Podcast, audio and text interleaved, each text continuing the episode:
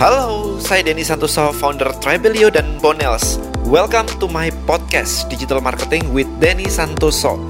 Di podcast ini saya bahas mengenai beberapa strategi marketing yang dapat meningkatkan omset bisnis Anda hingga 10 kali lipat. Salah satunya dengan membuat database atau list building. Untuk belajar lebih mendalam, Anda bisa langsung ke listbuildingblackbook.com. Follow juga YouTube dan Instagram saya @denny_santoso. Di sana saya juga berbagi ilmu mengenai digital marketing dan mindset setiap hari. Right, ayo kita mulai. Enjoy the podcast and see you inside. Saya pengen share sebuah cerita sebenarnya. Jadi dari pengalaman saya jualan suplemen 20 tahun lebih dari tahun 99. Jadi you know, jualan suplemen dari awal saya mulai dari waktu saya kuliah. Jadi saya nge-gym selama setahun dari 98 sampai 99 dan ketika saya nge-gym kayak begitu saya mulai dikenali dengan produk-produk suplemen waktu itu. Dan di kota saya di Malang nggak ada sama sekali. Jadi kalau mau beli suplemen saya harus ke Surabaya, nitip teman saya yang kuliah di Surabaya. Jadi tiga bulan sekali dia pulang baru dibawa produknya nggak kepikiran kalau zaman sekarang kan enak ya. Kita tinggal kirim aja barangnya hari ini besok harus sampai dan sebagainya. Kalau zaman dulu tahun 99 kayaknya nggak kepikiran kayak begitu sih. It's not as easy kayak hari ini. Nah dari situ saya akhirnya import produk dari Amerika suplemen. Dan saya pengennya pakai sendiri waktu itu. Tapi kok sayang ya kalau dipakai sendiri ya. Kenapa nggak dijual? Mulai saya tawarkan dari gym ke gym datang ke tempat satu ke tempat yang lain. Akhirnya kita membentuk jaringan. Jadi kalau Anda tahu di tahun 2000, maybe tahun 2010-an gitu kita punya jaringan across Indonesia. Jadi seluruh tempat fitness, hampir seluruh tempat fitness di Indonesia kita masuk. So we build the network gitu ya. Jaringan resellernya itu udah luar biasa banget. Offline semuanya. Jadi kebayang ya, didatengin satu-satu kalau hari ini cari reseller online ya, gampang banget. Tapi kalau zaman dulu itu bener-bener kayak harus datang satu-satu, ketemu ownernya satu-satu, ngobrol satu-satu, dan kita punya ribuan. Oke. Okay. Nah, dari situ saya mulai berpikir bahwa hmm, ada dua bentuk nih. Yang pertama adalah produk, yang kedua adalah orangnya yang jualan. Karena kita kan reseller ya.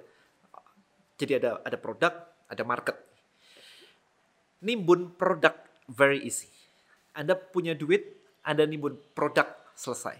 Ya, kita waktu import waktu itu kalau sampai ada apa ya um, proses yang pelan dan sebagainya, kita pernah, saya pernah paling banyak, aduh saya udah lupa tahun berapa itu, paling banyak di laut itu ada 6 kontainer. Dan satu kontainer itu miliaran, suplemen kecil-kecil harganya tahu sendiri lah ya. Harganya 500 ribu, 700 ribu, segini-segini. Dan itu satu kontainer. Dan saya ada 6 kontainer di laut waktu itu. Jadi kebayang ya duit saya di laut itu kalau kena apa hilang gitu kan bubar semuanya. So anyway, menimbun produk is easy. Cari produk itu gampang. Anda punya duit, Anda tinggal beli, Anda nyetok di gudang, selesai. Tapi saya menyadari bahwa pegang orangnya lebih enak. Nah, ini yang nggak dipahami oleh banyak orang yang baru mulai jualan. Mereka berpikir bahwa untuk jualan mereka butuh produk. Yes, Anda butuh dua butuh yang dijual dan butuh yang membeli. Dua-dua, Anda butuh dua-dua. Nah sekarang, kalau Anda sudah tahu butuh dua-dua, butuh produk dan butuh orang yang beli, karena produk doang nggak ada yang beli, itu bohong. Oke, sama aja, nggak ada transaksi. Nah, kalau disuruh milih, lebih enak ternyata megang orangnya. Karena begitu Anda punya orangnya, yang terjadi adalah Anda bisa jualan apa pun. Anda nggak punya produk, Anda dropship. Anda nggak punya produk, ada reseller, ada affiliate marketing. Anda nggak punya produk, Anda PO dulu. Anda nggak punya duit, PO dulu. Yang penting duitnya masuk dulu, pegang duitnya, PO. Ada jasa titip, just tip. Ke Korea, just tip. Ingat nggak waktu kemarin sebelum pandemi? Ke Korea, just tip.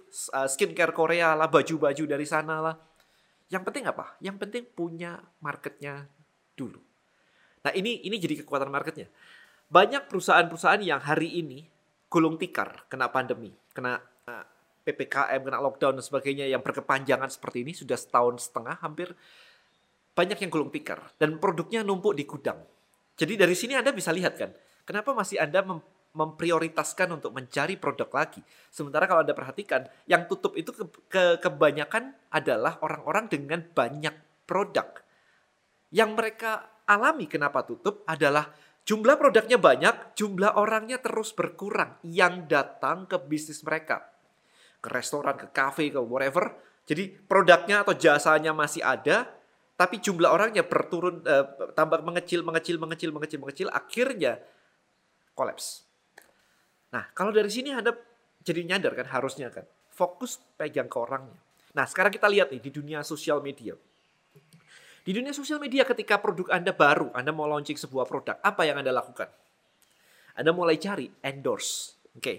Anda mulai cari endorse, endorse, endorse. Cari selebgram yang harganya masih masuk akal lah ya. Kemudian dikasih produk, kemudian disuruh mereka untuk posting di feed dan di story. Why? Kenapa Anda harus cari selebgram? Jawabannya simple. Karena mereka pegang orangnya. Mereka punya followers yang banyak. Mereka punya followers ribuan, puluhan ribu, ratusan ribu, jutaan. Anda nggak punya. Maka Anda harus nyari orang yang punya orangnya. Kebayang ya? Di sini Anda cari orang yang punya masa, yang punya orangnya. Kalau mereka, wah mereka mah diam aja didatengin orang. Karena mereka pegang orangnya, kalau Anda selebgram di sini Anda mulai nyadar nih. Kalau Anda ada seorang selebgram, punya follower banyak, punya influencer tertentu, maka Anda tiba-tiba didatengin banyak orang. Boleh nggak promote di tempatmu? Boleh nggak endorse produk saya? Semuanya, mulai kayak begitu. Alright? So dari sini teman-teman, Anda jadi tahu bahwa market lebih penting daripada produk. Karena begitu Anda pegang orangnya, produknya datang sendiri. Nah sekarang, kenapa Anda ngiklan di Instagram? Kenapa Anda main TikTok? Why? Uh, kalau di TikTok baru posting aja yang komen udah ribuan. Kalau di Twitter sepi. Itu artinya apa sebenarnya? Platform TikTok punya orangnya. Sehingga Anda mendekat ke tempat di mana banyak orangnya. Paham ya? Kenapa Anda pakai Anda posting rutin dan sebagainya? Anda Anda lagi membangun audiens. Anda pakai Instagram, Anda pakai TikTok karena banyak orangnya kita balik ke konvensional. Kenapa Anda buka toko di mall? Kenapa Anda nggak buka toko di depan rumah Anda aja? Well, ya dan di mall rame. Sekali lagi, Anda mencari tempat dengan banyak orangnya. Oke, okay. jadi sekarang pakai Instagram. Ini contoh ya, Anda boleh pakai semua sosial media. Saya cuma menyebutkan pakai Instagram sebagai contoh saja. Anda pakai Instagram karena Anda tahu di Instagram banyak orangnya, 86 juta orang Indonesia menggunakan Instagram. Jadi Anda pakai Instagram, hopefully dari 86 juta itu sekian banyak akan follow akun Anda jadi followers Anda. That is the first step, langkah pertama. Langkah kedua adalah gimana caranya mengubah dari followers Anda menjadi subscriber Anda. Jadi dari Instagram, platform milik orang lain, milik Mark Zuckerberg, anda berusaha nyaring, yuk, yuk, yuk ngumpul yuk di tempat saya yuk di, di akun saya yuk ngumpul, tapi masih di Instagram. Next stepnya adalah Anda ajak mereka join di list Anda. Anda minta nama mereka, email mereka, dan WA mereka. Itu yang disebut dengan list building. Jadi Anda tetap lagi mengambil dari tempat yang sudah ada, yang punya orang lain di Instagram, Anda jadiin milik Anda nih, di tempat Anda nih. Supaya apa? Supaya Anda bisa edukasi mereka. Supaya Anda punya orangnya. Kuncinya satu, anda jadi memiliki mereka. Sehingga Anda ada produk baru, Anda tinggal kasih tahu, Anda punya orangnya. Bayangin sekarang, kalau misalnya kemarin saya baru live di LBM Live. Ya, jadi buat Anda yang belum join, langsung aja join di listbuildingmastery.id. Kita ada acara namanya LBM Live.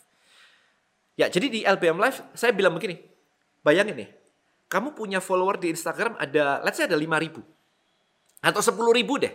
Atau kayak akun-akun fitness tuh punya punya followersnya lumayan lah 20 ribu, 30 ribu, 40 ribu gitu kan. Ada yang 100 ribu. Oke, okay? akun saya di YouTube aja ada 200 ribu. Dari situ, oke. Okay? Sekarang perhatikan.